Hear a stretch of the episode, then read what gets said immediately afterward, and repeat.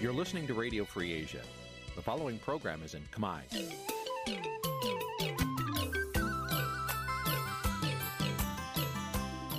នេះជាកម្មវិធីផ្សាយ Vuthu Azizi Serai នេះជាកម្មវិធីផ្សាយរបស់ Vuthu Azizi Serai ជាភាសាខ្មែរ Vuthu Azizi Serai សូមស្វាគមន៍លោកអ្នកនាងទាំងអស់ពីរដ្ឋធានី Washington នៃសហរដ្ឋអាមេរិក បាទប្រធានាទីវ៉ាស៊ីនតោនខ្ញុំបាទទីនសាការីយ៉ាសូមជម្រាបសួរលោកអ្នកកញ្ញាទាំងអស់ជាទីមេត្រីយើងខ្ញុំសូមជូនកម្មវិធីផ្សាយសម្រាប់ព្រឹកថ្ងៃអង្គារ7កើតខែចែកឆ្នាំខាលចត្វាស័កពុទ្ធសករាជ2566ត្រូវនៅថ្ងៃទី28ខែមីនាគ្រិស្តសករាជ2023បាទជាដំបូងនេះសូមអញ្ជើញលោកអ្នកកញ្ញាស្ដាប់ព័ត៌មានប្រចាំថ្ងៃដែលមានមេត្តាដូចតទៅ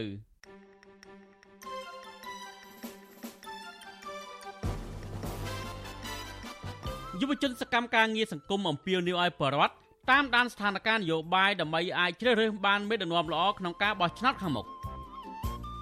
នេះវិភាគថាដំណើរទស្សនកិច្ចរបស់មេដឹកនាំម៉ាឡេស៊ីមកកម្ពុជានឹងមិនអាចស្ដារប្រជាធិបតេយ្យនៅកម្ពុជាបានទេគ្រូសាខកចិត្តដល់មន្ត្រីពន្ធនាគារត្រពាំង plong មិនអោយសកម្មជនបកប្រឆាំងលោកកុងសំអានបានព្យាបាលជំងឺធ្មេញធ្ងន់ធ្ងរនៅពេទ្យក្រៅពន្ធនាគារ កម្មករអរទេសនៅក្រុងប៉ោយប៉ែតប្រឈមនឹងបញ្ហាជីវភាពដោយសារតែអាញាធររឹតបន្តឹងទំនិញឆ្លងកាត់រួមនឹងព័ត៌មានសំខាន់សំខាន់មួយចំនួនទៀត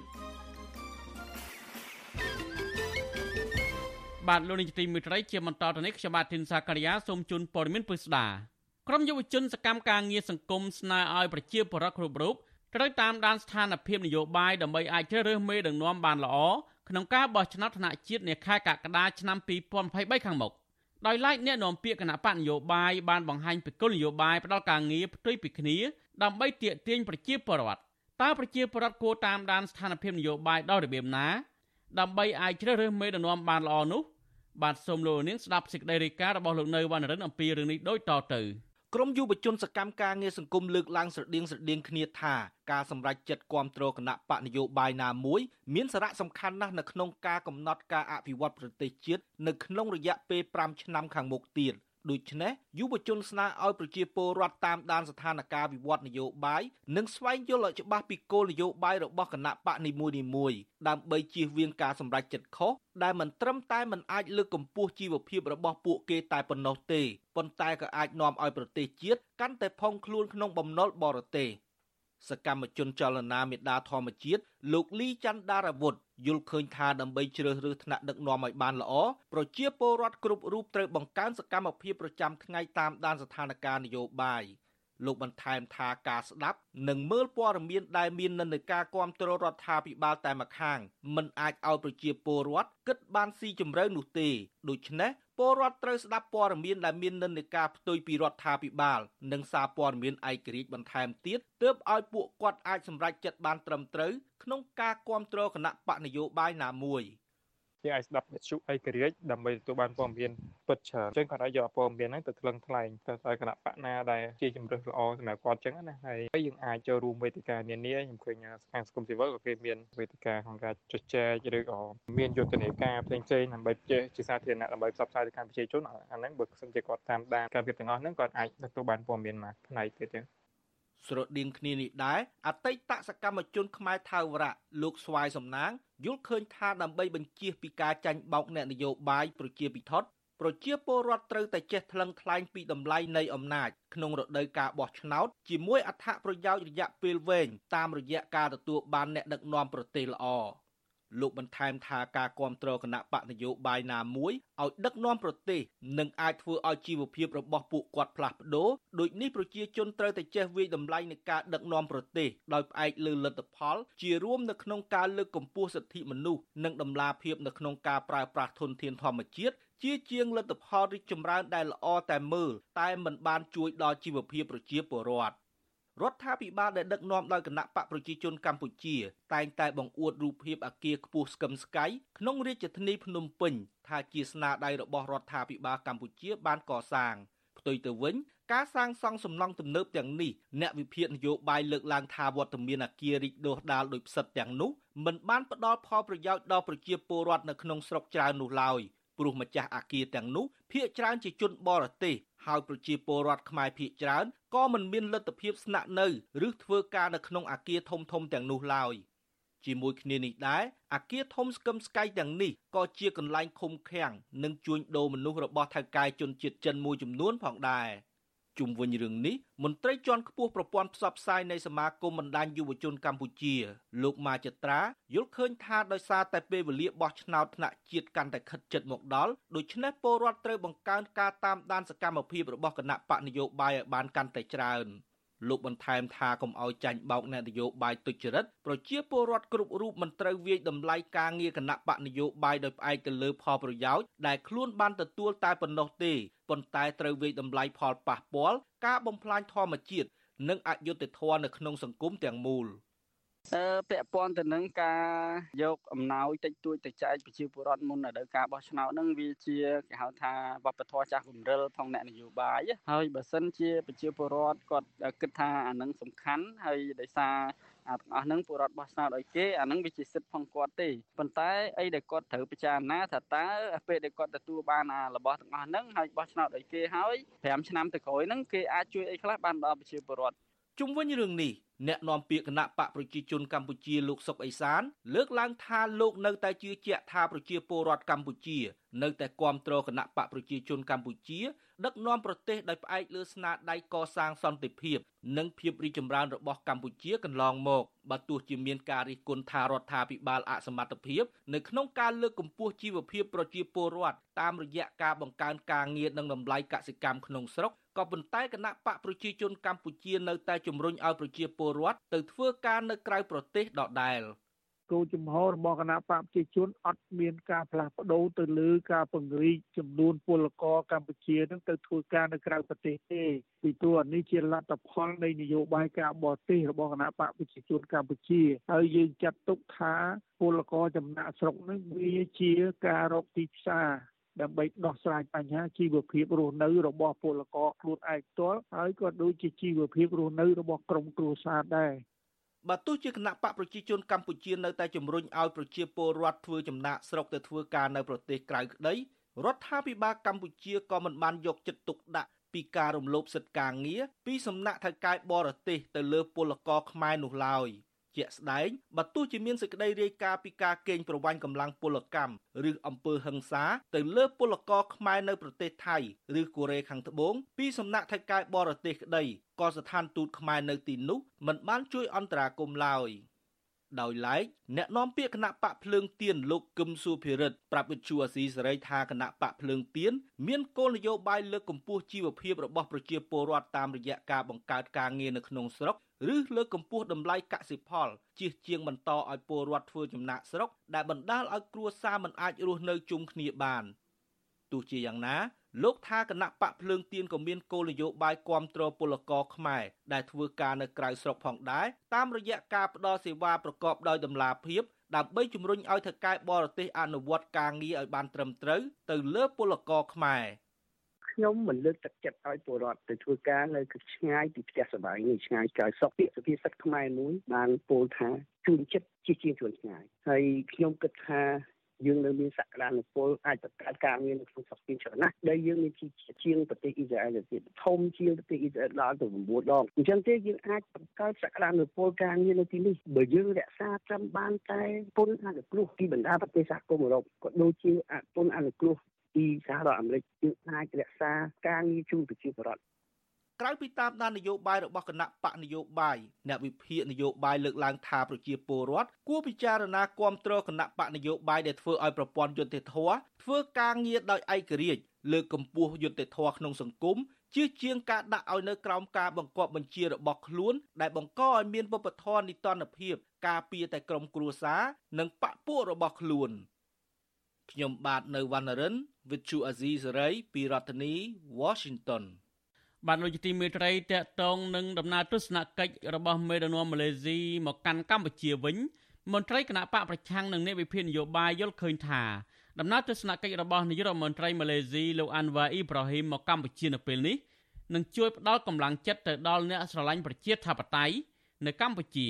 គណៈមេដឹកនាំម៉ាឡេស៊ីរូបនេះ ត្រូវបានគេទទួលស្គាល់ថាជាអ្នកនយោបាយម្នាក់ដែលមានការតស៊ូលះបង់ខ្ពស់ដើម្បីលទ្ធិប្រជាធិបតេយ្យនៅប្រទេសម៉ាឡេស៊ីមេដឹកនាំគណៈបកប្រឆាំងនឹងជាអតីតអ្នកទស្សនយោបាយលោកអាន់វ៉ាអ៊ីប្រាហ៊ីមបច្ចុប្បន្នជានាយករដ្ឋមន្ត្រីប្រទេសម៉ាឡេស៊ីបានដឹកនាំគណៈប្រតិភូមកបំពេញទស្សនកិច្ចជាផ្លូវការរយៈពេល1ថ្ងៃនៅកម្ពុជាគឺនៅថ្ងៃទី27មីនាដើម្បីពង្រឹងទំនាក់ទំនងទ្វេភាគីរវាងប្រទេសទាំងពីរតបតាមការអញ្ជើញរបស់លោកនាយករដ្ឋមន្ត្រីហ៊ុនសែន អនុប្រធានគណៈបកសង្គ្រោះជាតិលោកស្រីមូសង្ហួរប្រាប់វិទ្យុអាស៊ីសេរីថាអ្នកស្រីស្វាគមន៍យ៉ាងកក់ក្ដៅចំពោះដំណើរទស្សនកិច្ចរបស់លោកអាន់វ៉ៃអ៊ីប្រាហ៊ីមមកកម្ពុជានៅពេលនេះគណៈអ្នកស្រីចាត់ទុកលោកអាន់វ៉ៃអ៊ីប្រាហ៊ីមថាជាមេដឹកនាំស្រឡាញ់លទ្ធិប្រជាធិបតេយ្យពិតប្រាកដមួយរូបសម្រាប់ប្រជាពលរដ្ឋម៉ាឡេស៊ីហើយអ្នកស្រីសង្ឃឹមថាលោកអាន់វ៉ៃអ៊ីប្រាហ៊ីមនឹងអាចជួយឲ្យមានការផ្លាស់ប្ដូរជាវិជ្ជមាននៅក្នុងតំបន់អាស៊ានអ្នកនយោបាយប្រឆាំងកំពុងភៀសខ្លួននៅក្រៅប្រទេសរូបនេះបន្តថា ដំណើរទស្សនកិច្ចរបស់មេដឹកនាំម៉ាឡេស៊ីរូបនេះជាដំណើរទស្សនកិច្ចដ៏មានសារៈសំខាន់មួយសម្រាប់អ្នកនយោបាយប្រជាធិបតេយ្យនៅកម្ពុជាដែលកំពុងតែងើបឡើងតស៊ូប្រឆាំងនឹងអំពើផ្ដាច់ការរបស់លោកហ៊ុនសែនដោយសារតែលោកអាន់វ៉ៃប្រហ៊ីមជាមេដឹកនាំគណៈបកប្រឆាំងម្នាក់ដែលធ្លាប់ឆ្លងកាត់ជាប់ពន្ធនាគារដោយសារតែរឿងនយោបាយការតស៊ូលើកកម្ពស់សេរីភាពនិងការគោរពលទ្ធិប្រជាធិបតេយ្យនៅប្រទេសម៉ាឡេស៊ី អ្នកស្រីមូសុកហួរបន្ថែមថាលោកអាន់វ៉ៃប្រហ៊ីមនឹងមិនទុកចោលការជំរុញឲ្យមានការគោរពសិទ្ធិមនុស្សនៅក្នុងតំបន់អាស៊ាននោះឡើយគណៈបញ្ហាសិទ្ធិមនុស្សគឺជារឿងសកលនោះជាការលើកទឹកចិត្តឲ្យយើងជាអ្នកស្រឡាញ់សេរីភាពយើងស្រឡាញ់ប្រជាធិបតេយ្យយើងត្រូវតែទុកថាជាសញ្ញានៃពន្លឺពន្លឺនិងជ័យជំនះនៃអ្នកប្រជាធិបតេយ្យយូរនឹងឆាប់យើងអ្នកប្រជាធិបតេយ្យនឹងឈ្នះសេរីភាព យើងនឹងបានដូចជាការតស៊ូរបស់លោកអនវ៉ាអ៊ីប្រាហ៊ីមដែរការលើកឡើងរបស់មន្ត្រីជាន់ខ្ពស់គណៈបកប្រឆាំងនេះនៅស្របពេលមេដឹកនាំម៉ាឡេស៊ីលោកអាន់វ៉ៃអ៊ីប្រាហ៊ីមនិងលោកហ៊ុនសែននាយករដ្ឋមន្ត្រីកម្ពុជាបានជួបពិភាក្សាគ្នាអំពីទំនាក់ទំនងនៃប្រទេសទាំងពីរនៅមុនពេលមេដឹកនាំទាំងពីរបានធ្វើសន្និសីទកសែតរួមគ្នានៅរសៀលថ្ងៃទី27មីនានេះភាគីទាំងពីរបានចុះហត្ថលេខាលើឯកសារពីរ គឺអនុសារណៈយោគយល់គ្នារវាងរដ្ឋាភិបាលម៉ាឡេស៊ីនិងរដ្ឋាភិបាលកម្ពុជា ស្ដីពីការជ្រើសរើសការប្រើប្រាស់និងការធ្វើមេត្តាភូមិនិវត្តរបស់ពលករការងារផ្ទះនិងអនុសារណៈយោគយល់គ្នារវាងរដ្ឋាភិបាលម៉ាឡេស៊ីនិងរដ្ឋាភិបាលកម្ពុជាស្ដីពីការជ្រើសរើសការប្រើប្រាស់និងការធ្វើមេត្តាភូមិនិវត្តរបស់ពលករលន់សែនលើកឡើងថាការងារផ្ទះលោកបានបន្តអនុវត្តនៅយន្តការដែលមានស្រាប់ដើម្បីលើកកម្ពស់ការពារសិទ្ធិពលករកម្ពុជាដែលធ្វើការនៅប្រទេសម៉ាឡេស៊ី ក្រៅពីមេដឹកនាំទាំងពីរចោះលេខាព្រមព្រៀងគ្នាពីចំណុចនេះលន់សែនបានស្នើឲ្យភាគីម៉ាឡេស៊ីទទួលយកអង្គនិងក្របស្វាយចន្ទីរបស់កម្ពុជាទៅកាន់ទីផ្សារម៉ាឡេស៊ីនិងស្នើឲ្យមានអ្នកវិនិយោគម៉ាឡេស៊ីមកបណ្ដាក់ទុនវិនិយោគនៅកម្ពុជាកាន់តែច្រើនថែមទៀតឆ្លើយតបនឹងសំណើនេះនាយករដ្ឋមន្ត្រីម៉ាឡេស៊ីលោកអាន់វ៉ៃអ៊ីប្រាហ៊ីមបានលើកឡើងថារដ្ឋាភិបាលរបស់លោកនឹងពិចារណាលើសំណើទាំងនេះក៏ប៉ុន្តែលោកបានលើកអំពីជនជាតិម៉ាឡេស៊ីជាច្រើន រងគ្រោះនៅប្រទេសកម្ពុជាដោយសារតែការចាញ់បោកតាមអនឡាញហើយសមត្ថកិច្ចកម្ពុជាបានជួយសង្គ្រោះកន្លងមកលោកអាន់វ៉ៃអ៊ីប្រាហ៊ីមជាមេដឹកនាំគណៈបកប្រឆាំងដ៏លេចធ្លោម្នាក់នៅប្រទេសម៉ាឡេស៊ីលោកបានជាប់ពន្ធនាគារចំនួន2ដងដោយសារតែរឿងនយោបាយបន្ទាប់ពីលោកបានតស៊ូយ៉ាងស្វិតស្វាញនៅក្នុងឆាកនយោបាយអស់រយៈពេលប្រហែលជា40ឆ្នាំមកនេះលោកអាន់វ៉ៃអ៊ីប្រាហ៊ីមត្រូវបានព្រះមហាក្សត្រម៉ាឡេស៊ីតែងតាំងឲ្យធ្វើជានាយករដ្ឋមន្ត្រីកាលពីខែវិច្ឆិកាឆ្នាំ2022 ក្រោយពីសម្ព័ន្ធគណៈបកប្រឆាំងរបស់លោកបានឈ្នះការបោះឆ្នោតការតែងតាំងនេះគឺអំឡុងពេលប្រទេសនេះកំពុងតែប្រឈមនឹងបញ្ហាជាប់ការនយោបាយដោះស្រាយមិនចេញ។លោកអាន់វ៉ៃប្រហ៊ីមដែលមានអាយុ75ឆ្នាំធ្លាប់បានដឹកនាំការតវ៉ាប្រឆាំងរដ្ឋាភិបាលដ៏ធំមួយកាលពីឆ្នាំ1598នឹងត្រូវបានគេចាត់ទុកថាជាការចាប់ផ្ដើមធ្វើចលនាកំណែតម្រង់ដ៏មានឥទ្ធិពលសម្រាប់សកម្មភាពប្រជាធិបតេយ្យម៉ាឡេស៊ីចំនួនក្រោយកាលពីអំឡុងឆ្នាំ2019 នៅពេលលោកសំរងស៊ីស្ថិតនៅក្នុងបញ្ជីខ្មៅរបស់លោកហ៊ុនសែនមិនអនុញ្ញាតឲ្យបណ្ដាប្រទេសជិតខាងឲ្យលោកសំរងស៊ីធ្វើដំណើរឆ្លងកាត់នោះប៉ុន្តែប្រទេសម៉ាឡេស៊ីបានសម្រេចបើកទ្វារស្វាគមន៍មេដឹកនាំគណៈបកប្រឆាំងកម្ពុជាគឺលោកសំរងស៊ីកាលនោះលោកសំរងស៊ីថែមទាំងបានជួបពិភាក្សាការងារជាមួយកូនស្រីរបស់លោកដែលជាតំណាងរាស្ត្រគឺអ្នកស្រីនូរ៉ុលអៃសាសអាន់វ៉ានិងបានជួបជាមួយមន្ត្រីការបរទេសម៉ាឡេស៊ីគឺលោកសៃហ្វូទីនអាប់តុលឡោះ អ្នកស្រីមូសុខួរបញ្ជាក់ថាលោកសំរងស៊ីនិងលោកអាន់វ៉ៃប្រហ៊ីមមានទំនាក់ទំនងល្អនឹងគ្នាតាំងពីលោកអាន់វ៉ាជាប់ពន្ធនាគារដោយលោកសំរងស៊ីតែងតែទៅលើកទឹកចិត្តដល់ក្រុមគ្រួសាររបស់លោកអាន់វ៉ាក្នុងនាមជាមេដឹកនាំគណៈបកប្រឆាំងដូចគ្នា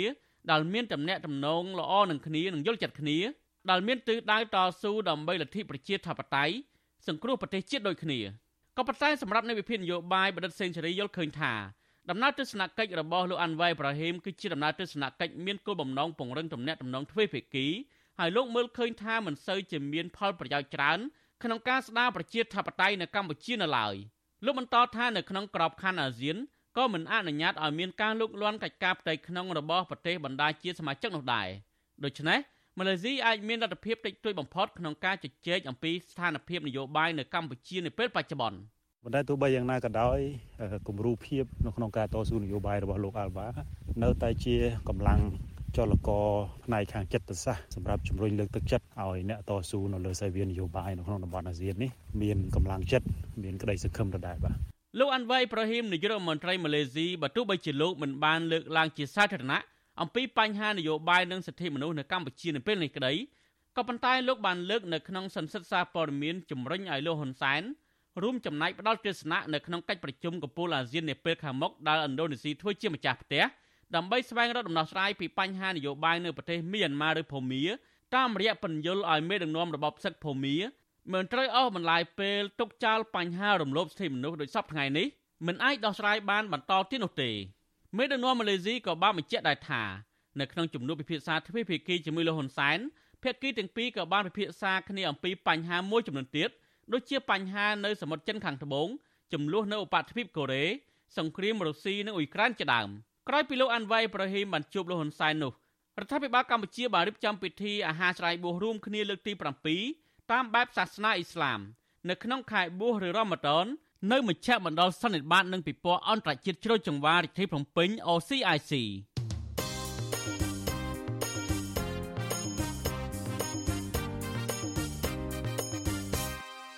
បានលោកនាយកទីមេត្រីកម្ពុជានឹងរៀបចំការបោះឆ្នោតនៅខែកក្កដាខាងមុខនេះតំណាងរាជសភាអឺរ៉ុបមិនរំពឹងថាលោកហ៊ុនសែននឹងរៀបចំការបោះឆ្នោតដោយសេរីត្រឹមត្រូវនិងយុត្តិធម៌នោះឡើយ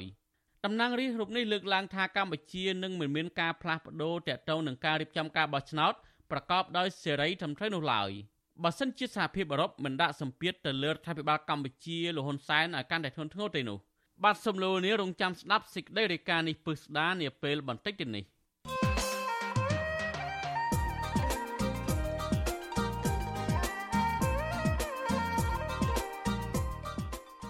លោកអ្នកនាងជាទីមេត្រី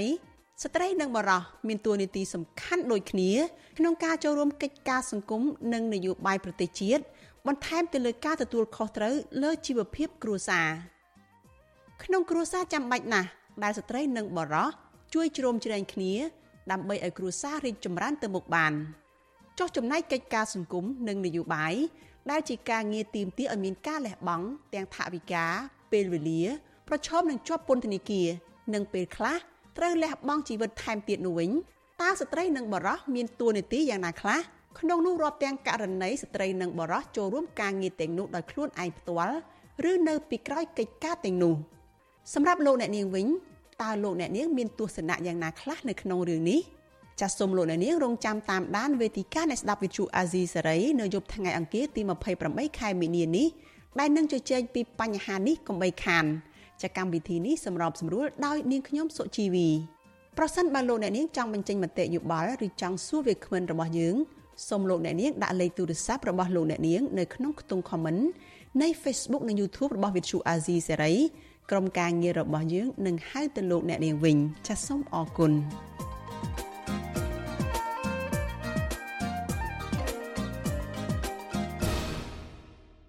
បានលោកជាទីមេត្រីតកតងនឹងសកម្មជនគណៈបកប្រឆាំងកំពុងតែជាប់ពន្ធនាគារនៅឯខេត្តត្បូងឃ្មុំឯនេះវិញគ្រូសាខកចិត្តចំពោះមន្ត្រីពន្ធនាគារត្រពាំង plong មិនអនុញ្ញាតឲ្យសកម្មជនគណៈបកប្រឆាំងលោកកុងសំអានដែលកំពុងតែមានជំងឺធ្មេញធ្ងន់ធ្ងរអាចចេញព្យាបាលជំងឺនៅមន្ទីរពេទ្យជំនាញខាងក្រៅពន្ធនាគារបានពួកគេស្នើដល់អាជ្ញាធរពាក់ព័ន្ធជួយអន្តរាគមន៍ដើម្បីកុំឲ្យអាការៈជំងឺនេះកាន់តែធ្ងន់ធ្ងរទៅទៀត មន្ត្រីជាន់ខ្ពស់នៃអគ្គនាយកដ្ឋានពន្ធនាគារអះអាងថាអាជ្ញាធរនឹងពិនិត្យមើលស្ថានភាពជំងឺលោកកុងសំអានជាក់ស្ដែងដោយយកចិត្តទុកដាក់និងមិនទុកឲ្យលោកមានបញ្ហាសុខភាពនោះទេ បាទលោកមានរិទ្ធរាយការណ៍ព័ត៌មាននេះគ្រួសារព្រួយបារម្ភអំពីស្ថានភាពជំងឺមាត់ធ្មេញនិងសុខទុក្ខរបស់មន្ត្រីបពប្រឆាំងលោកគង់សំអានជាខ្លាំង ពួកគេទទូចដល់អាជ្ញាធរពន្ធនាគារអនុញ្ញាតឲ្យសាច់ញាតិពួកគេ បានចេញមកពិនិត្យនិងព្យាបាលជំងឺនៅមន្ទីរពេទ្យឯកទេសខាងក្រៅឲ្យបានទាន់ពេលវេលា កូនស្រីរបស់មន្ត្រីបពប្រឆាំងនៅខេត្តត្បូងឃ្មុំលោកគង់សំអាន គឺកញ្ញាគង់មួយលី ប្រាវិសុយស៊ីស្រីនៅថ្ងៃទី27ខែមីនាថាឪពុកកញ្ញាជាប់ពន្ធនាគារជិត3ឆ្នាំមកនេះ កើតជំងឺប្រចាំកាយជាច្រើន មានដូចជាជំងឺលើសឈាមជំងឺក្រពះពោះវៀនដុសសាច់ត្រង់តម្រង់នោមរមាស់និងជំងឺមាត់ធ្មេញជាដើមកញ្ញាដឹងទៀតថាឪពុកកញ្ញាមានសភាពរាងកាយស្គមស្គាំងនិយាយសម្លេងតិចតិចត្អូញត្អែប្រាប់ប្រពន្ធនិងកូនកូន ពេលចូលសួរសុខទុក្ខកាលពីថ្ងៃទី26ខែមីនាថានារយៈពេលប្រមាណសប្តាហ៍ចុងក្រោយនេះលោកឈឺចាប់ត្រង់ធ្មេញជួរខាងក្រោមស្រោបដែកបណ្ដាលឲ្យពិបាកហូបចុកនិងសម្រានមិនលក់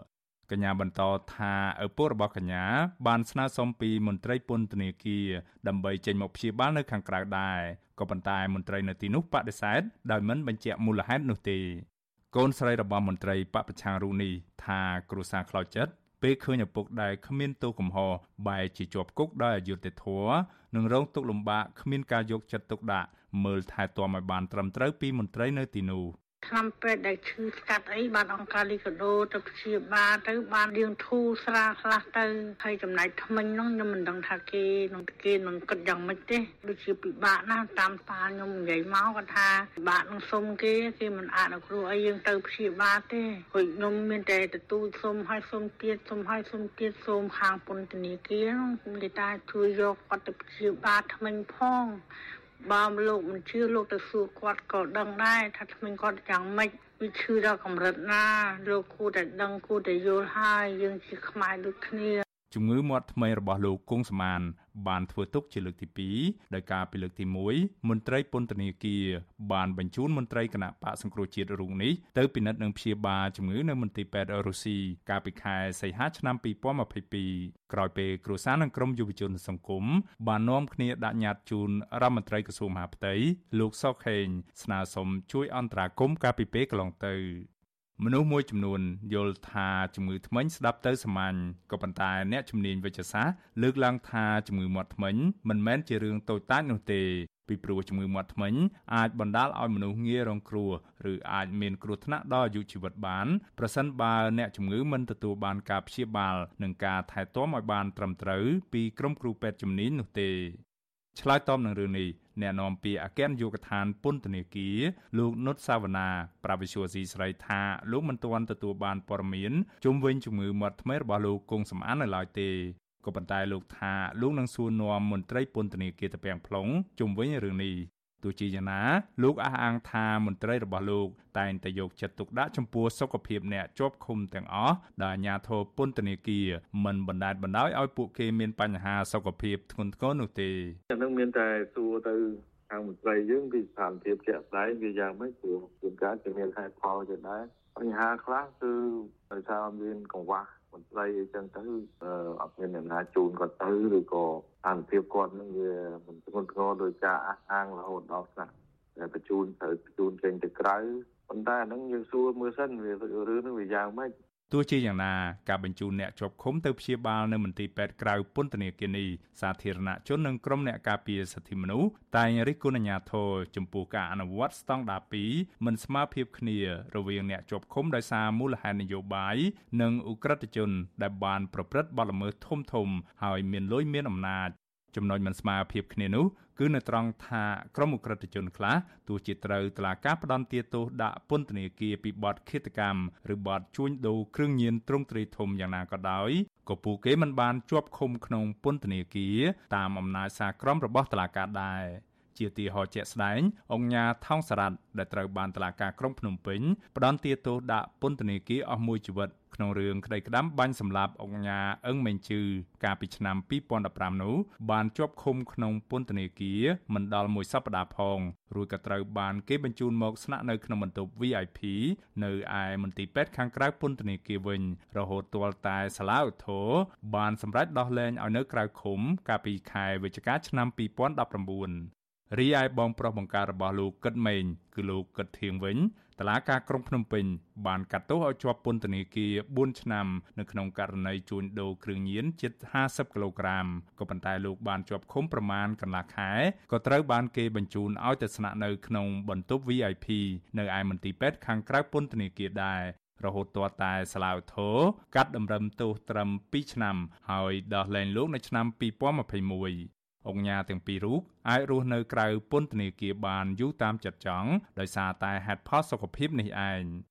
ជុំវិញរឿងនេះនាយកទទួលបន្ទុកកិច្ចការទូតនៃអង្គការសិទ្ធិមនុស្សលីកាដូលោកអំសមាត មានប្រសាសន៍ថាជនជាប់ឃុំ មានសិទ្ធិប្រស្រ័យតាក់ទងជាមួយក្រុមគ្រួសារមិត្តភ័ក្តិជាពិសេសមានសិទ្ធិទទួលបានសេវាថែទាំព្យាបាលដោយគ្មានការរើសអើងដោយពលរដ្ឋដទៃទៀតដែរលើកលែងតែសិទ្ធិមួយចំនួនដែលតឡាការដកហូតតែប៉ុណ្ណោះ លោកបញ្ជាក់ថាបើសិនជនជាប់ឃុំ មានជំងឺធ្ងន់ធ្ងរដែលប៉ុសុខភាពនៅក្នុងមណ្ឌលអប់រំកែប្រែមិនមានលទ្ធភាពព្យាបាលបាននោះទេនោះអាជ្ញាធរត្រូវបញ្ជូនលោកគង់សំអានទៅព្យាបាលនៅមន្ទីរពេទ្យជំនាញខាងក្រៅដើម្បីឲ្យគាត់ទទួលបានការពិនិត្យនិងព្យាបាលជំងឺមាត់ធ្មេញបានត្រឹមត្រូវ បញ្ហាជំងឺមិនថាធ្មេញភ្នែកតិចក៏វាអាចទៅជាបញ្ហាទាំងអស់វាប៉ះពាល់ទៅដល់សុខភាពអញ្ចឹងវាត្រូវតែមានសិទ្ធិស្មើគ្នាក្នុងការព្យាបាលបើសិនជាជំងឺធ្មេញរបស់គាត់តម្រូវឲ្យជួបពេទ្យជំនាញខាងថ្មិញនិងខាងពន្ធនាគារគឺអាចតាក់ទងជាមួយនឹងព្រះញ្ញាជាយុគឋានដើម្បីបញ្ជូនទៅពេទ្យជំនាញដើម្បីធ្វើការពិនិត្យនិងព្យាបាល លោកគង់សមានអាយុ71ឆ្នាំគឺជាអតីតគ្រូបង្រៀននិងជាសមាជិកក្រុមប្រឹក្សាស្រុកមេមត់នៃគណៈបកសង្គ្រោះជាតិលោកត្រូវបានអាជ្ញាធរចាប់ខ្លួនកាលពីដើមខែកញ្ញាឆ្នាំ2020 តឡាការខេត្តត្បូងឃ្មុំ បានផ្តន្ទាទោសលោកឲ្យជាប់ពន្ធនាគាររយៈពេល7ឆ្នាំពីបទរួមគំនិតក្បត់ដោយសារតែលោកបានគាំទ្រសារនយោបាយរបស់ថ្នាក់ដឹកនាំគណៈបកប្រឆាំងនិងហូបនំបញ្ចុកជុំគ្នាជាមួយសមាជិកដទៃទៀតនៃគណៈបកសង្គ្រោះជាតិជាពិសេសលោកបានគាំទ្រដំណើរវិលត្រឡប់ចូលស្រុកវិញរបស់លោកសំរងស៊ីកាលពីខែវិច្ឆិកាឆ្នាំ2019 កាលពីដើមឆ្នាំ2022តឡាការកំពូល បានដំកល់សេចក្តីសម្រេចរបស់តឡាការជាន់ក្រោមដែលបានកាត់ទោសលោកគង់សំអានឲ្យជាប់ពន្ធនាគាររយៈពេល7ឆ្នាំហើយដែលត្រូវសហគមន៍ជាតិនិងអន្តរជាតិថាជាអ្នកទោសនយោបាយខ្ញុំបាទមេរិត Visual C ស្រី ពីរដ្ឋធានី Washington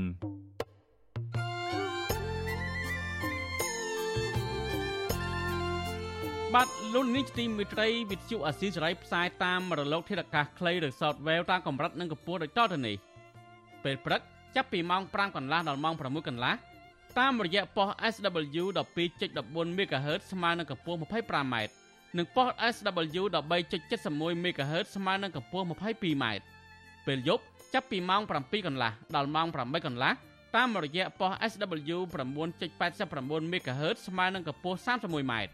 ប៉ុស SW 11.88 MHz ស្មើនឹងកម្ពស់ 25m និងប៉ុស SW 12.14 MHz ស្មើនឹងកម្ពស់ 25m បាទលោកនាងក៏អាចស្ដាប់និងទស្សនាការផ្សាយផ្ទាល់នៅលើគេហទំព័ររបស់វិទ្យុអាស៊ីសេរីតាមរយៈអាសយដ្ឋាន rfa.org/ ខ្មែរ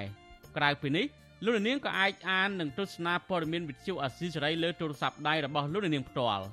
សូមលោកនាងដំឡើងកម្មវិធីវិទ្យុអាស៊ីសេរីនៅលើទូរស័ព្ទដៃរបស់លោកនាង ឬស្វែងរកវិទ្យុអាស៊ីសេរីនៅលើ YouTube ឬ Facebook ដោយស្វែងរកពាក្យថាវិទ្យុអាស៊ីសេរីឬ RFA ខ្មែរសូមលោកនាងចុច Like Follow និងចុច Subscribe ដើម្បីទទួលបានព័ត៌មានថ្មីៗទាន់ហេតុការណ៍និងទស្សនាវីដេអូផ្សេងៗទៀតបានគ្រប់ពេលវេលា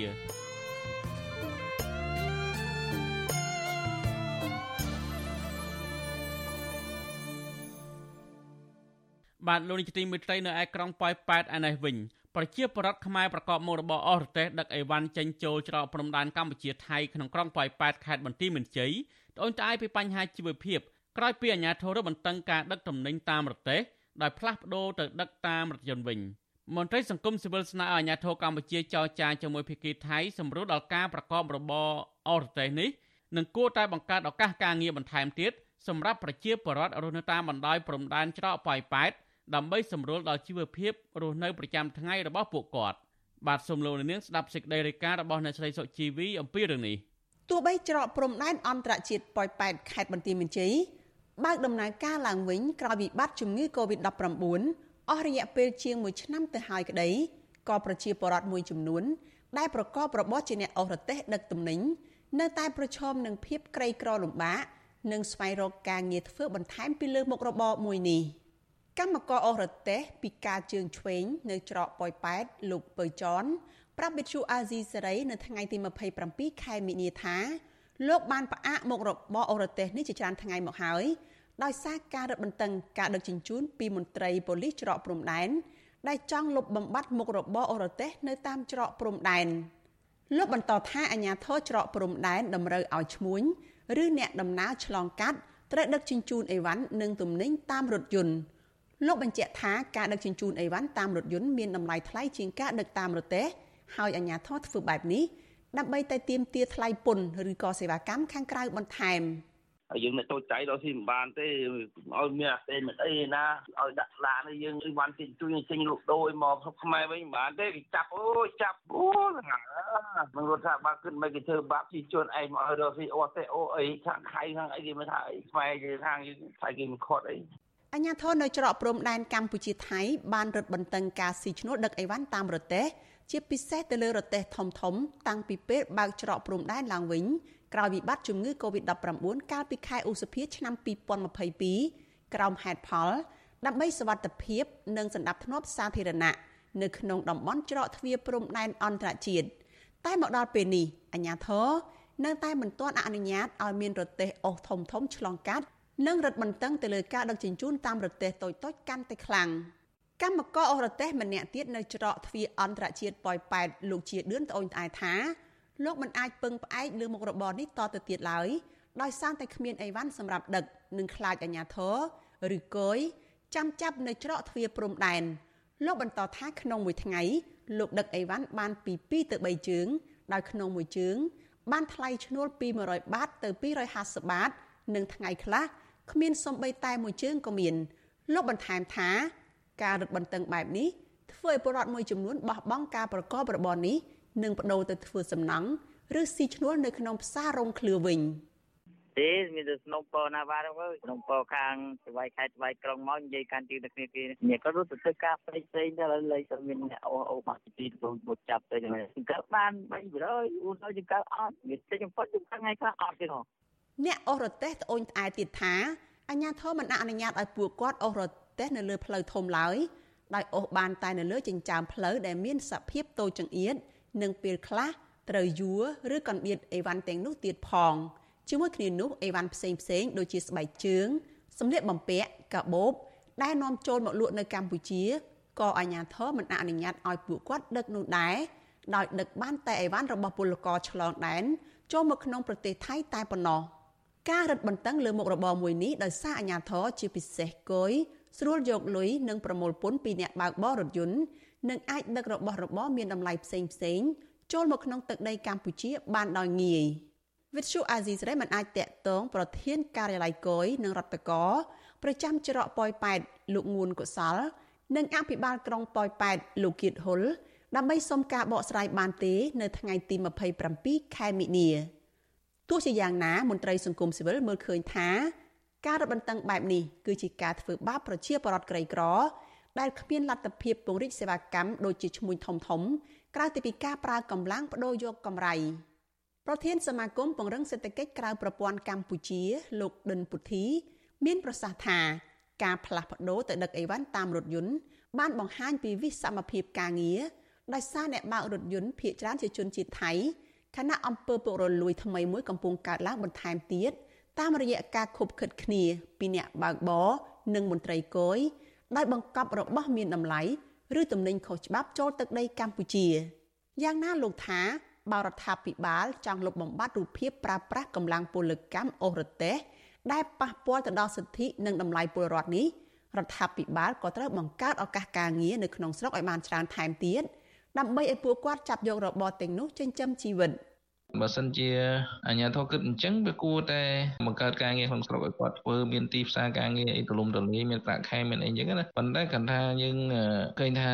ការបំបត្តិកម្មករអូរទេសហ្នឹងហើយទីផ្សារការងារនៅស្រុកយើងវាចង្អៀតនៅឡើយបើរកការងារធ្វើអ្នកដែលមានខ្សែមានបាក់ពួកអញ្ចឹងទៅមានការងារធ្វើស្រួលទៅអ្នកដែលអត់មានខ្សែមានបាក់ពួកមិនងាយរកការងារធ្វើទេនៅតែធ្វើកម្មករនឹងអញ្ចឹងដដែលហ្នឹងប៉ុន្តែបើថាអត់អូរទេសអញ្ចឹងមានតែទៅធ្វើកម្មករសំណងឬក៏រហេតចាយអីអញ្ចឹងណា ពលរដ្ឋប្រកបរបរនៅតាមព្រំដែនលើកឡើងថា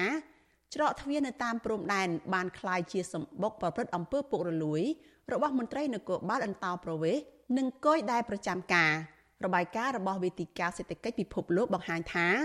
អំពើពុករលួយតាមច្រកព្រំដែនកម្ពុជា នៅតែខ្ពស់ជាងប្រទេសជិតខាង ដែលរួមមានប្រទេសថៃឡាវនិងវៀតណាមអំពើពុករលួយទាំងនោះរួមមានដូចជា ការបង្ខំឲ្យពលរដ្ឋនិងភ្ញៀវទេសចរ ដែលឆ្លងដែនឲ្យបង់ប្រាក់លើឯកសារឆ្លងដែនការខុបខិតគ្នាជាមួយក្រុមឈ្មួញកិច្ចពន្ធការទារប្រាក់លើកំណត់ពីកម្មករនិងអាជីវករដែលធ្វើការរកស៊ីនៅតាមច្រកទ្វារចេញចូលនិងការប្រើប្រាស់សម្ដីអសុរោះទៅលើភ្ញៀវទេសចរនិងពលរដ្ឋដែលឆ្លងកាត់ជាដើមនាងខ្ញុំសុជីវីវិទ្យុអាស៊ីសេរីពីរដ្ឋធានី Washington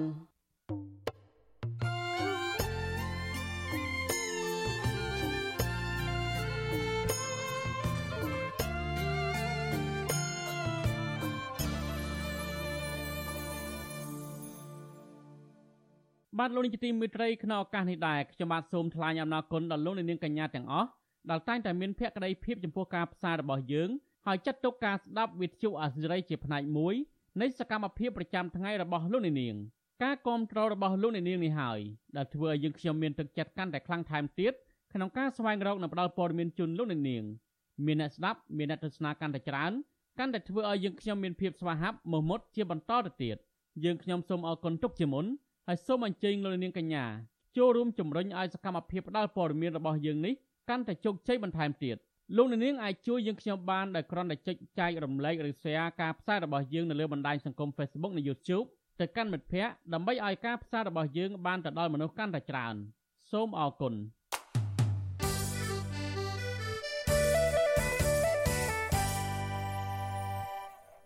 បាទលោកនេះទីមេត្រីតកតងនឹងកសិផលរបស់កសិករវិញលោកហ៊ុនសែនអះអាងថាវិស័យកសិកម្មមានការរីកចម្រើនក្រោមការដឹកនាំរបស់លោកទន្ទឹមនឹងនេះលោកក៏ណែនាំឲ្យមន្ត្រីបង្កើនការយកចិត្តទុកដាក់ជួយបច្ចេកទេសដាំដុះនិងរកទីផ្សារឲ្យកសិករប៉ុន្តែកសិករមួយចំនួនត្អូញត្អែថាមន្ត្រីកសិកម្មមិនដាល់ទៅជួបជួយដោះស្រាយបញ្ហារបស់ពួកគាត់នោះទេហើយដំណាំរបស់ពួកគាត់កំពុងតែប្រឈមនឹងគ្មានទីផ្សារ បាទសូមលោកនាងស្ដាប់សេចក្តីរាយការណ៍របស់លោកជីវិតាប្រជាកសិករនៅតាមខេត្តមួយចំនួន ស្នើឲ្យមន្ត្រីក្រសួងកសិកម្មចុះដល់ទីតាំងដាំបន្លែរបស់ពួកគាត់ដែលកំពុងជួបបញ្ហាទីផ្សារដើម្បីជួយសិក្សាស្វែងរកដំណោះស្រាយកសិករនៅស្រុករមាសហែកខេត្តស្វាយរៀងលោកស្រីឃីវសរុនឲ្យដឹងថាគាត់ដាំបន្លែជាង10ប្រភេទមានទាំងប្រភេទផ្លែនិងស្លឹកជាដើម លោកស្រីបន្តថាពេលដែលបន្លែជួបបញ្ហាតម្លៃលើទីផ្សារឬបញ្ហាបច្ចេកទេសដាំដុះពួកគាត់ដោះស្រាយដោយខ្លួនឯងលោកស្រីបន្តថាកន្លងទៅសហគមន៍របស់លោកស្រីធ្លាប់សុំការអន្តរាគមន៍ពីមន្ត្រីពាក់ព័ន្ធតាមទូរស័ព្ទនិងលិខិតស្នើសុំប៉ុន្តែកម្រមានការឆ្លើយតបណាស់ អត់បានមានណាគ្រូនេះពួកខ្ញុំបានស្នើទៅណាគ្រូឲ្យសូមឲ្យមានសូមឲ្យមន្ត្រីជំនាញទៅចុះចឹងណាព្រោះអត់មានណាគ្រូតែមានពួកខ្ញុំមានស្នើមានលិខិតហើយគឺណាយើងធ្វើលិខិតខ្លួនយើងទៅតាមទូរស័ព្ទហ្នឹងកសិករនៅខេត្តស្វាយរៀងម្នាក់ទៀតគឺលោកសិនសាមេតថ្លែងថាលោកក៏ធ្លាប់ស្នើទៅអាជ្ញាធរដើម្បីសុំឲ្យជួយផ្ដល់គ្រាប់ពូជនិងដោះស្រាយបញ្ហាកសិកម្មផ្សេងផ្សេងទៀតដែរ ប៉ុន្តែมันមានការឆ្លើយតបនោះទេខ្ញុំលើខាងខ្ញុំនេះគឺខ្ញុំទំនាក់ទំនងជាមួយឲ្យខាងកសិកម្មខេត្តស្រុកនេះគាត់គឺថាជួយផ្ដល់ឲ្យពូជផ្ដល់ឲ្យប្រជាពលរដ្ឋដែរគាត់ថាគាត់បានសំឆាតែដល់គឺជួយគាត់ប្រចាគាត់ជួយគាត់ធ្វើដំណឹងទៅដែរចំណែកប្រជាសហគមន៍នៅស្រុកកោះធំខេត្តកណ្ដាលលោកសនសុងថ្លែងថាកសិករនៅតំបន់លោកធ្វើស្រែផងនិងដាំបន្លែផង លោកបន្តថាពេលកសិករជួបបញ្ហាតម្លៃកសិផលឬបញ្ហាក្នុងការដាំដុះមិនដែលឃើញវត្តមានមន្ត្រីនៃក្រសួងកសិកម្មចុះទៅជួបពួកគាត់នោះទេអត់អត់សុទ្ធណាក្រសួងហ្នឹងគួយតាមនៅបរោហ្នឹងគ្មានប្រយោជន៍ទេនិយាយហ្មងថាគ្មានហ្មងសង្ឃធនធានទឹកស្រុកក៏ធំមិនប្រជាជនអត់ទឹកបូមម្ដងស្នប់គ្រប់គ្នាបានធ្វើវល់តែខាតវល់តែអីហ្នឹងដោយសារអញ្ចឹងអាអត់មានទឹកបូមអាធ្វើមិនធ្វើទៅ អញ្ចឹងហើយធ្វើការនៅ10រោហើយជីវៈខែរដ្ឋហើយដល់អញ្ចឹងប្រជាជនវាអត់អស់ជំនឿហ្មងវាចប់បន្លែធ្លាក់ចុះតម្លៃស្ទើរគ្រប់មុខដូចជាត្រសក់និងត្រប់ស្រួយ ក្នុង1គីឡូក្រាម200រៀលហើយការទិញនោះទៀតសោតក៏មានចំនួនតិចតួចវិទ្យុអាស៊ីសេរីបានតាក់ទងអ្នកនាំពាក្យក្រសួងកសិកម្មកញ្ញាអឹមរចនាដើម្បីសាកសួរជុំវិញបញ្ហានេះប៉ុន្តែកញ្ញាប្រាប់ថាជាប់រវល់ប្រជុំ នៅក្នុងពិធីបិទសន្និបាតក្រសួងកសិកម្មកាលពីថ្ងៃទី24មីនាលោកនាយករដ្ឋមន្ត្រីហ៊ុនសែនបានណែនាំដល់មន្ត្រីនៅក្រសួងស្ថាប័នពាក់ព័ន្ធឲ្យជួយដល់កសិករទាំងផ្នែកដាំដុះនិងទីផ្សារ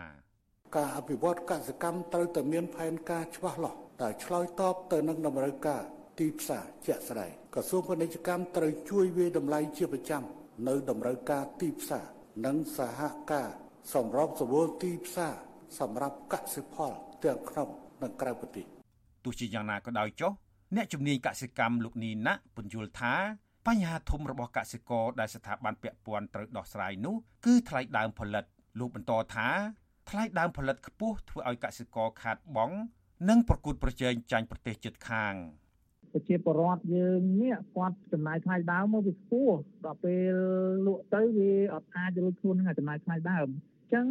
ដើម្បីឲ្យកាត់ ចំណាយថ្លៃដើមបានវាតតែមានការចូលរួមពីពាក់ព័ន្ធដូចជាមន្ត្រីក្រសួងកសិកម្មខាងអឺអាញាធរដើម្បីធ្វើម៉េចឲ្យអាហៅធៀបចូលរបស់កសិកម្មណាមានជីមានទឹកមានថ្លៃពលកម្មមានគ្រឿងយន្តមានមធ្យោបាយអីផ្សេងផ្សេងសម្រាប់ផលិតហ្នឹងឲ្យវាឲ្យវាទៀតបញ្ហាទីផ្សារកសិកម្មហាក់កើតមានជាប្រចាំពោលអស់ពីបញ្ហាស្រូវចូលដល់ផ្លែមៀនផ្លែស្វាយនិងបន្លែផ្សេងផ្សេងទៀត កសិករខ្លះក៏ផ្សព្វផ្សាយពីរូបភាពពីការភ្ជួរបន្លែចោល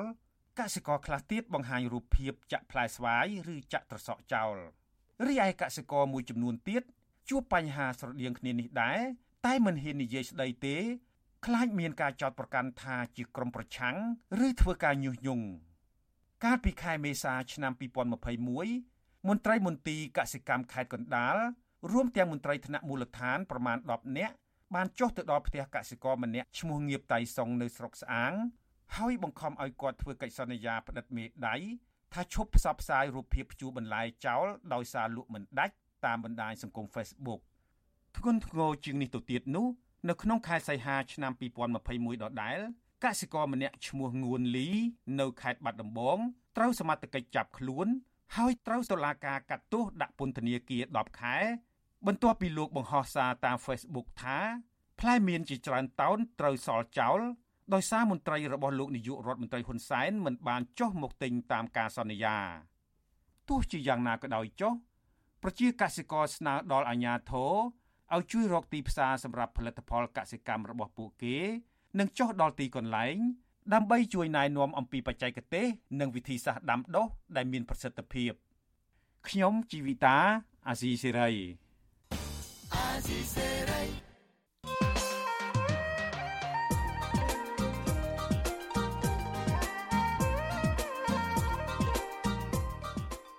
លោកអ្នកនាងជាទីមេត្រី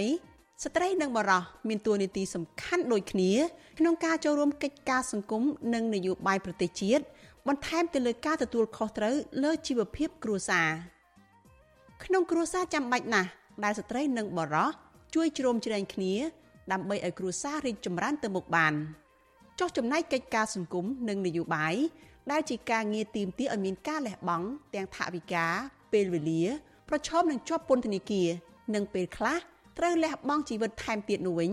តើស្ត្រីនិងបរោះមានតួនាទីយ៉ាងណាខ្លះក្នុងនោះរាប់ទាំងករណីស្ត្រីនិងបរោះចូលរួមការងារទាំងនោះដោយខ្លួនឯងផ្ទាល់ឬនៅពីក្រោយកិច្ចការទាំងនោះសម្រាប់លោកអ្នកនាងវិញ តើលោកអ្នកនាងមានទស្សនៈយ៉ាងណាខ្លះនៅក្នុងរឿងនេះចាសសូមលោកអ្នកនាងរងចាំតាមដានវេទិកានៃស្ដាប់វិទ្យុអាស៊ីសេរីនៅយប់ថ្ងៃអង្គារទី28ខែមីនានេះដែលនឹងជជែកពីបញ្ហានេះកុំបីខានចាកម្មវិធីនេះសម្របសម្រួលដោយនាងខ្ញុំសុជីវីប្រសិនបើលោកអ្នកនាងចង់បញ្ចេញមតិយោបល់ឬចង់សួរវាគ្មិនរបស់យើងសូមលោកអ្នកនាងដាក់លេខទូរស័ព្ទរបស់លោកអ្នកនាងនៅក្នុងខ្ទង់ comment នៃ Facebook និង YouTube របស់ Vithu Azizi Serai ក្រុមការងាររបស់យើងនឹងហៅទៅលោកអ្នកនាងវិញចាសសូមអរគុណ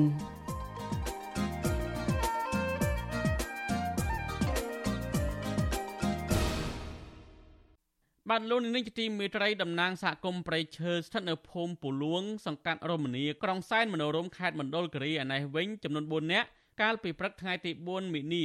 បានដាក់ញត្តិទៅក្រសួងកសិកម្មនិងក្រសួងដែនដីនគររូបនីយកម្មនិងសំណង់ ដើម្បីស្នើសុំកិច្ចអន្តរាគមន៍ទប់ស្កាត់ការកាត់ជ្រៀលដីព្រៃសហគមន៍ពីក្រុមជនខិលខូចមួយចំនួន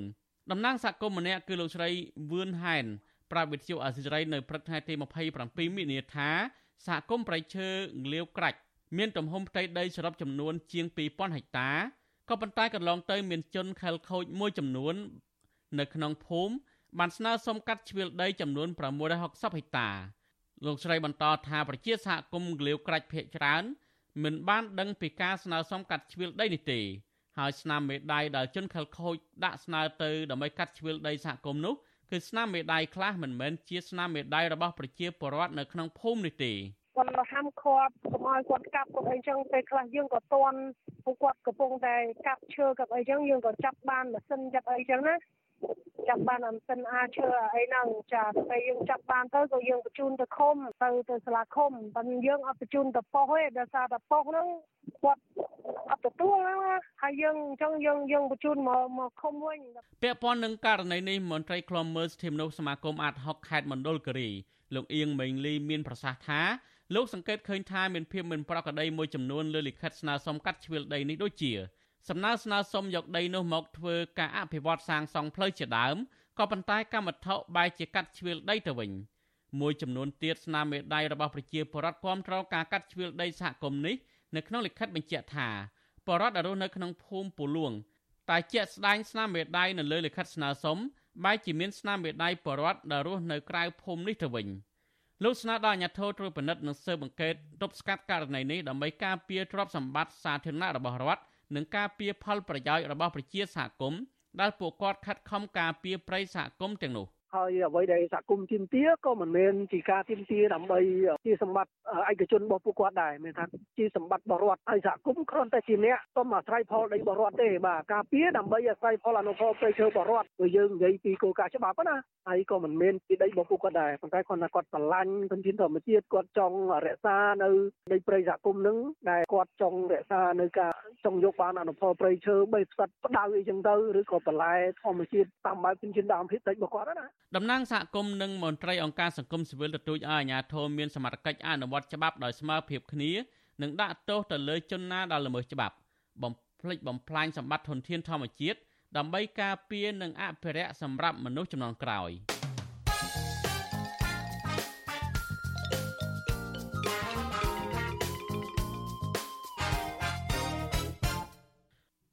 បាទលោកជាទីមេត្រីតេតងនឹងសហភាពអឺរ៉ុបប្រកាសដាក់ទណ្ឌកម្មលើរដ្ឋាភិបាលឯកបៈលោកហ៊ុនសែនវិញតំណាងរាជសភាអឺរ៉ុបមិនរំពឹងថានឹងមានការបោះឆ្នោតដោយសេរីត្រឹមត្រូវនិងយុត្តិធម៌ដែលមានការចូលរួមពីគ្រប់ភាគីពាក់ព័ន្ធនៅកម្ពុជានាខែកក្កដាខាងមុខនេះឡើយ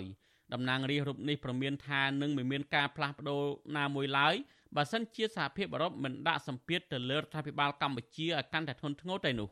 បាទសូមលោកនាងស្ដាប់សេចក្តីរាយការណ៍របស់លោកមានរិទ្ធអំពីរឿងនេះ តំណាងរាជសភាអឺរ៉ុបនិងជាសមាជិកអនុគណៈកម្មាធិការសភាអឺរ៉ុបស្ដីពីបញ្ហាសិទ្ធិមនុស្សអ្នកស្រី Isabel Santos សង្កត់ធ្ងន់ថាអ្នកស្រីមិនជឿថានឹងមានការបោះឆ្នោតដោយបើកចំហនិងមានការចូលរួមពីគ្រប់ភាគីពាក់ព័ន្ធនយោបាយនៅកម្ពុជានាខែកក្កដាខាងមុខនេះឡើយ អ្នកស្រីលើកឡើងយ៉ាងដូចនេះដោយផ្ដោតអំណះអំណាងថាការនេះគឺដោយសារតែអ្នកនយោបាយបពប្រឆាំងជាច្រើនរូបនៅកម្ពុជាត្រូវបានដកហូតសិទ្ធិធ្វើនយោបាយប្រធានគណៈបពប្រឆាំងត្រូវបានកាត់ទោសឲ្យជាប់គុក27ឆ្នាំនិងមានការគៀបសង្កត់យ៉ាងសម្បើមមកលើសេរីភាពប្រព័ន្ធផ្សព្វផ្សាយសង្គមស៊ីវិលសកម្មជន និងអ្នកសហជីពជាដើម We can still speak សូមមេត្តាកុំនិយាយថានឹងមានការបោះឆ្នោតដោយសេរី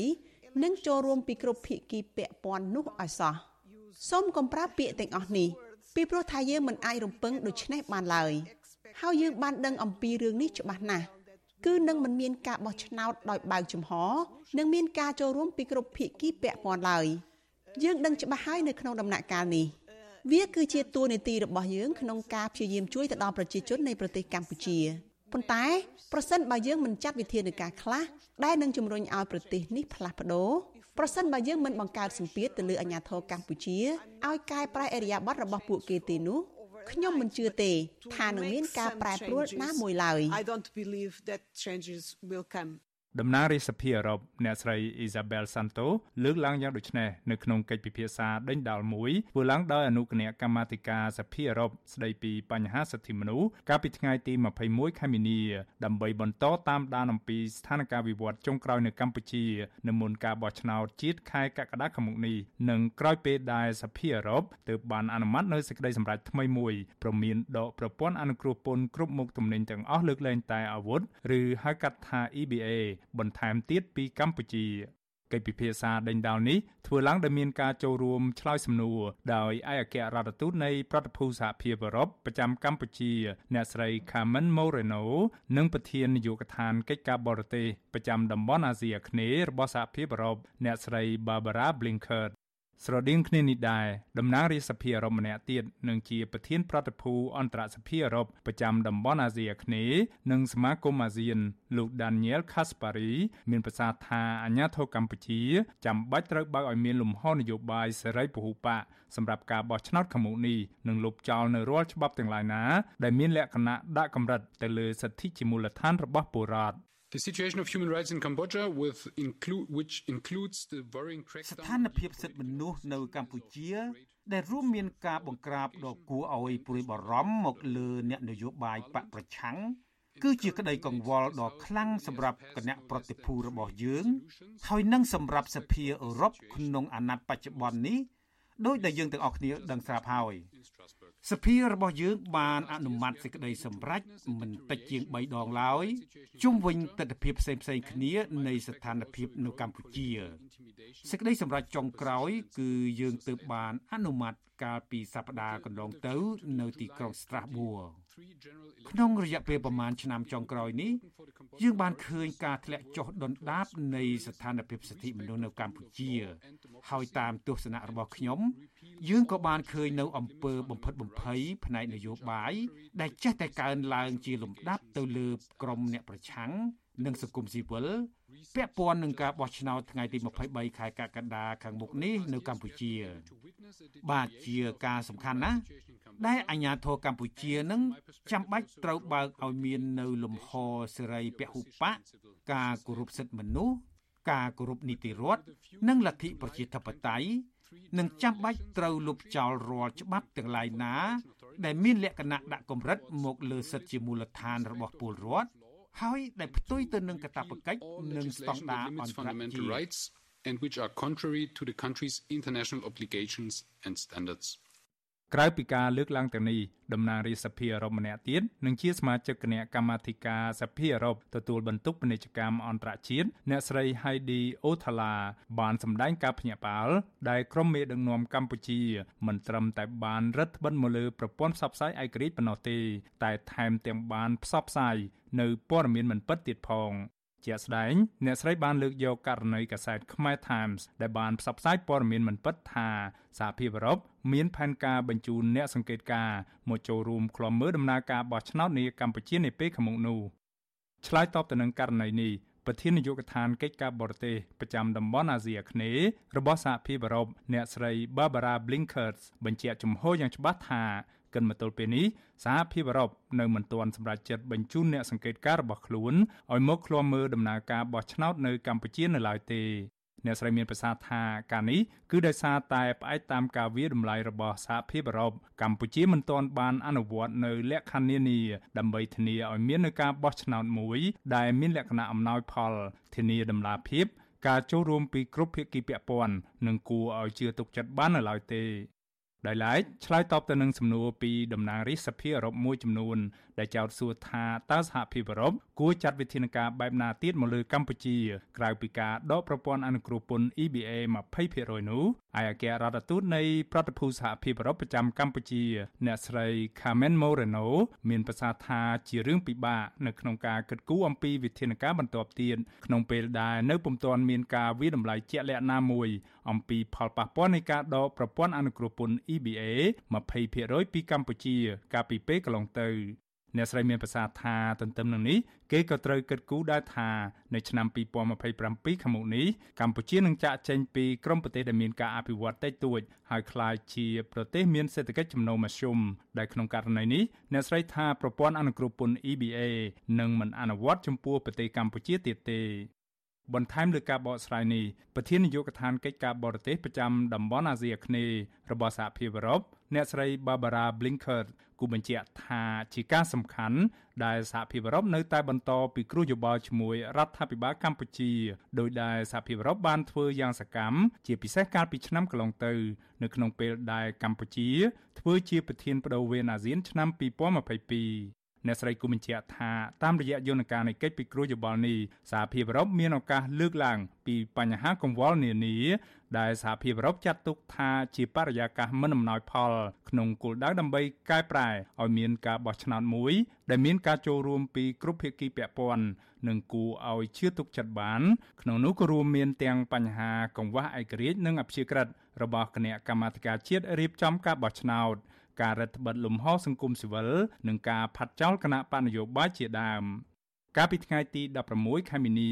សភាអឺរ៉ុបបានអនុម័តជាផ្លូវការនៅសេចក្តីសម្រេចថ្មីមួយព្រមមានដកប្រព័ន្ធអនុគ្រោះពន្ធគ្រប់មុខទំនិញទាំងអស់លើកលែងតែអាវុធហៅកាត់ថា EBA ពីកម្ពុជាប្រសិនបើការបោះឆ្នោតជាតិខែកក្កដាខាងមុខនេះប្រព្រឹត្តទៅមិនស្របតាមស្តង់ដារអន្តរជាតិឬប្រសិនបើនៅតែមានការបន្តរំលោភសិទ្ធិមនុស្ស ក្រៅពីប្រមានដកប្រព័ន្ធអនុគ្រោះពន្ធ EBA ពីកម្ពុជាបន្ថែមទៀតនោះសភាអឺរ៉ុបក៏ជំរុញឲ្យក្រុមប្រឹក្សាអឺរ៉ុបអនុវត្តការដាក់ទណ្ឌកម្មជាក់លាក់មកលើបុគ្គលកម្ពុជាទាំងឡាយណា ដែលពាក់ព័ន្ធនឹងអំពើរំលោភសិទ្ធិមនុស្សធ្ងន់ធ្ងរឬពាក់ព័ន្ធនឹងការរំលាយនិងការរដ្ឋបិទជាបន្តបន្ទាប់មកលើក្រុមអ្នកប្រឆាំងនៅកម្ពុជាផងដែរខ្ញុំបាទមេរិត Visual C ស្រីពីរដ្ឋធានី Washington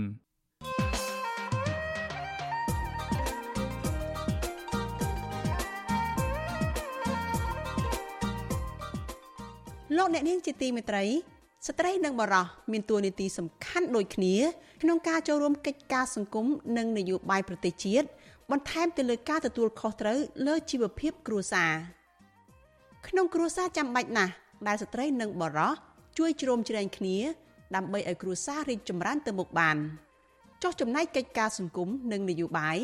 ដែលជាការងារទីមទាឲ្យមានការលះបង់ទាំងថវិកាពេលវេលា ប្រឈមនឹងជាប់ពន្ធនាគារ និងពេលខ្លះត្រូវលះបង់ជីវិតថែមទៀតនោះវិញតើស្ត្រីនិងបរោះមានតួនាទីយ៉ាងណាខ្លះក្នុងនោះរាប់ទាំងករណីស្ត្រីនិងបរោះចូលរួមការងារទាំងនោះដោយខ្លួនឯងផ្ទាល់ឬនៅពីក្រោយកិច្ចការទាំងនោះសម្រាប់លោកអ្នកនាងវិញតើលោកអ្នកនាងមានទស្សនៈយ៉ាងណាខ្លះនៅក្នុងរឿងនេះចាសសូមលោកអ្នកនាងរងចាំតាមដានវេទិកានៃស្ដាប់វិទ្យុអាស៊ីសេរីនៅយប់ថ្ងៃអង្គារទី28ខែមីនានេះដែលនឹងជជែកពីបញ្ហានេះកុំបីខាន ចាកម្មវិធីនេះសម្របសម្រួលដោយនាងខ្ញុំសុជីវី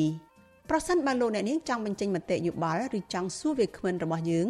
សូមលោកអ្នកនាងដាក់លេខទូរស័ព្ទរបស់លោកអ្នកនាងនៅក្នុងខ្ទង់ comment នៃ Facebook និង YouTube របស់ Vithu Azizi Serai ក្រុមការងាររបស់យើងនឹងហៅទៅលោកអ្នកនាងវិញចាសសូមអរគុណ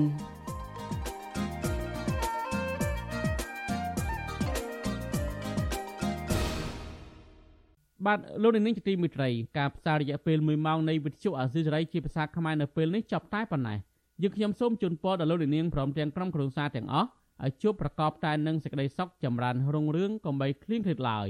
ខ្ញុំបាទទីនសាករិយាព្រមទាំងក្រុមការងារទាំងអស់នៃវិទ្យុអាស៊ីសេរីសូមអរគុណនិងសូមជម្រាបលា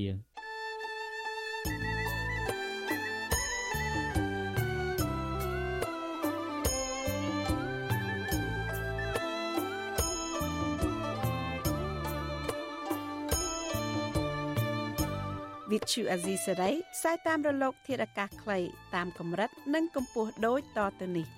ពេលព្រឹកចាប់ពីម៉ោង5កន្លះដល់ម៉ោង6កន្លះតាមរយៈប៉ុស SW 12.14 MHz ស្មើនឹងកម្ពស់ 25m និងប៉ុស SW 13.71 MHz ស្មើនឹងកម្ពស់ 22m ពេលយប់ចាប់ពីម៉ោង7កន្លះដល់ម៉ោង8កន្លះតាមរយៈប៉ុស SW 9.89 MHz ស្មើនឹងកម្ពស់ 31m ប៉ុស SW 11.88 MHz ស្មើនឹងកម្ពស់ 25m និងប៉ុស SW 12.14 MHz ស្មើនឹងកម្ពស់ 25m លោកអ្នកនាងក៏អាចស្ដាប់និងទស្សនាការផ្សាយផ្ទាល់នៅលើគេហទំព័ររបស់ Vuthu Azizi Saray តាមរយៈអាស័យដ្ឋាន rfa.org/ ខ្មែរក្រៅពីនេះលោកអ្នកនាងក៏អាចអាននិងទស្សនាព័ត៌មាន Vuthu Azizi Saray លើទូរស័ព្ទដៃរបស់លោកអ្នកផ្ទាល់ សូមលោកអ្នកនាងដំឡើងកម្មវិធី Vuthu Azizi Saray នៅលើទូរស័ព្ទដៃរបស់លោកអ្នកនាងឬស្វែងរក Vithu Azisari នៅលើ YouTube ឬ Facebook ដោយស្វែងរកពាក្យថា Vithu Azisari ឬ RFA ខ្មែរសូមលោកអ្នកនាងចុច like follow និងចុច subscribe ដើម្បីទទួលបានព័ត៌មានថ្មីៗទាន់ហេតុការណ៍និងទស្សនាវីដេអូផ្សេងៗទៀតបានគ្រប់ពេលវេលា